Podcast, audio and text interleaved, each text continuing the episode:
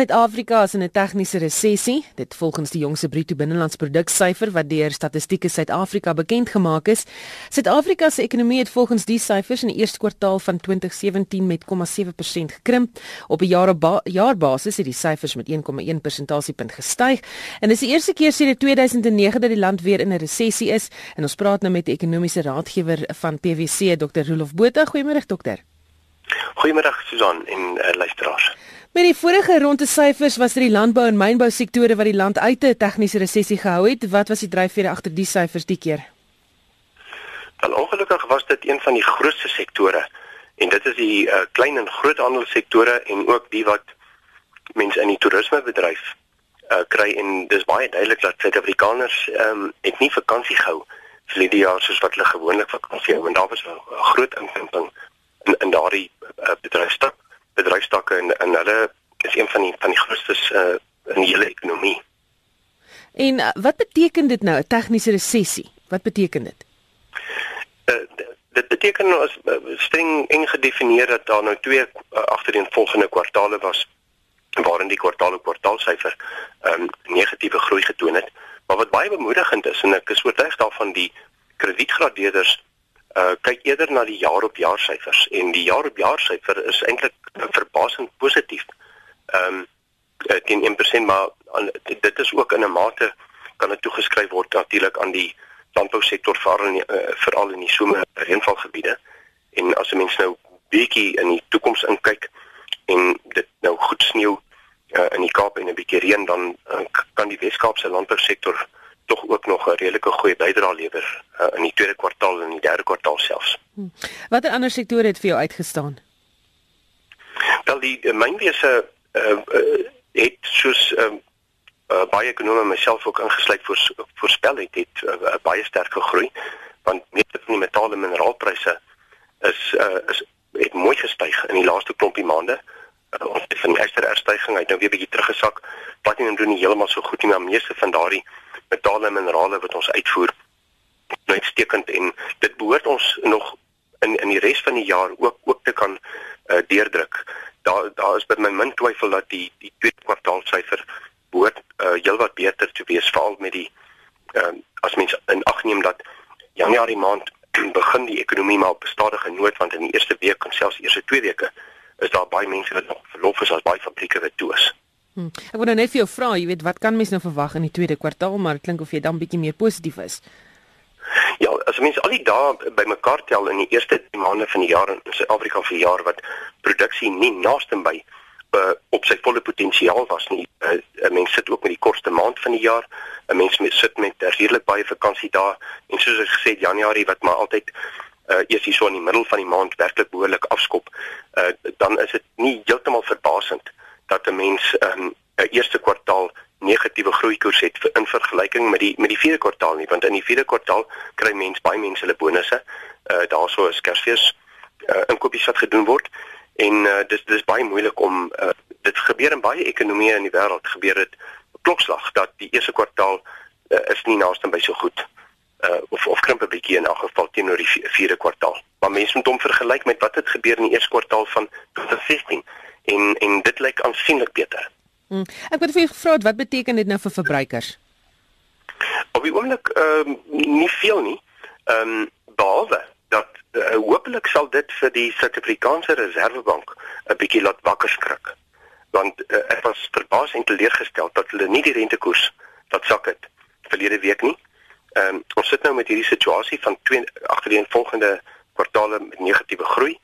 Uh, daar is geen vraaginflasie in hierdie ekonomie, almal weet dit. Eh uh, duursame verbruiksbesteding is in sy kanon in en die reële waarde van verbandlenings in Suid-Afrika het nog nie herstel van 2009 af nie. En ek kan net nie glo dat hulle nie bereid is om vir die verbruiker klein bietjie ruimte te gee met lae rentekoerse nie. Hoopelik sal hulle dit doen oor 2 maande van nou af. Hmm. Rolof en nog ekonomiese nuus, groot winkelgroepe in die kredieniersware sektor mag dalk onkompeterende praktyke toepas en sodoende kleinhandelaars op hulle knieë dwing. Dis van die beweringe wat die kompetisiekommissie van Suid-Afrika tans ondersoek deur middel van openbare verhore wat in Pretoria gehou word.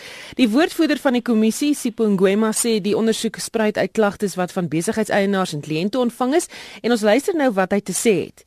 The inquiry is looking at the impact, both negative and uh, positive, of the entry of the national supermarket chains uh, into the townships, peri-urban areas, and rural areas. But also we are looking at uh, the impact of long-term exclusive agreements. Ngwema sê die kommissie self is ook bekommerd oor hoe die sektor funksioneer en of dit die verbruiker bevoordeel. So we have now started this inquiry, we started in Cape Town, we are now in Gauteng, in order to satisfy ourselves whether or not on those areas that we spoke about, uh, is there anything that needs to be done? How is competition impacted? And is there um, a reason for us to look at regulation, uh, whether it's under-regulated or over-regulated, what can be done to make sure that there's conducive conditions for fair competition Ngwema sê dat die wet baie duidelik is oor wat goeie sakepraktyke is. We get our mandate from the Competition Act and uh, the Competition Act is very clear in terms of collusion, dominance, uh, foreclosure and so on. So it depends on the circumstances uh, that would find on the ground. So that's why we went in the, in the under uh, the prescripts of the Competition Act. And therefore, if we found those features that we said the other to start threaten or lessen competition. Hy sê dat hoewel die proses nou eers begin het, kan die moontlikheid nie uitgesluit word dat groothandelaars beboet kan word as hulle ongesonde praktyke toegepas het nie. Anything is possible. It depends. If we have to start uh, an initiation as we do the inquiry, we'll do that. Uh, so it's not necessarily an exclusive process.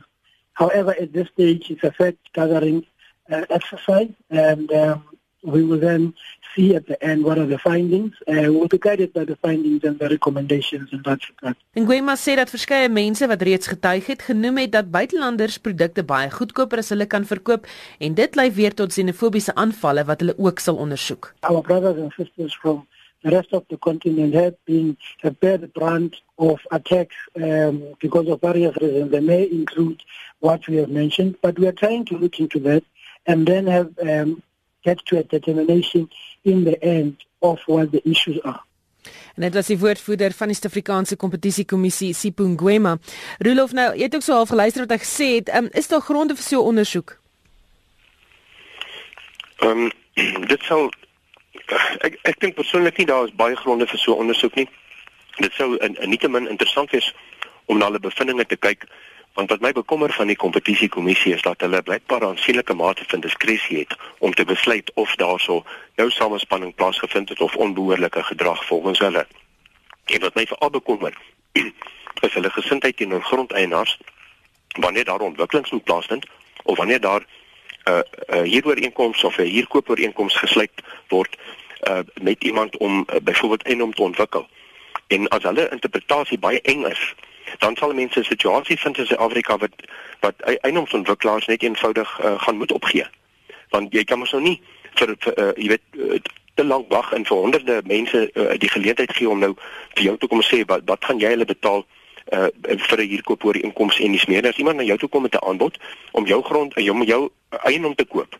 Uh, is dit mos nou nie samespanning nie dit is nie onkom, onkompeterende gedrag nie want wanneer uh, van hierdie groter uh, uh, kleinhandelaars in in gebiede ingaan en ontwikkeling vind plaas dan is daar so 'n baie sterk toegevoegde waarde element in die ekonomie en daar word werk geskep terwyl die kleiner winkels in die omgewing is maar gewoonlik familiebesighede en hulle pryse is in die reël redelik hoog.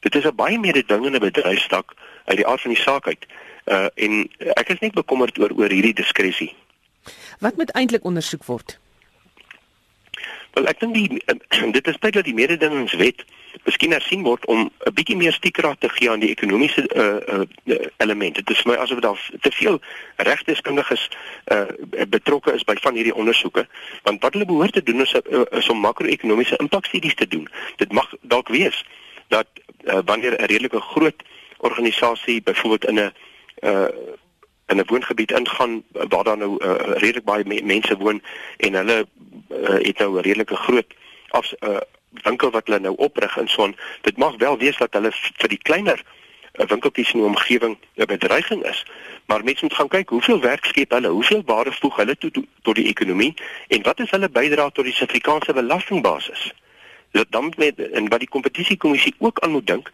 is om dit te oorweeg om vir die met die regering te onderhandel.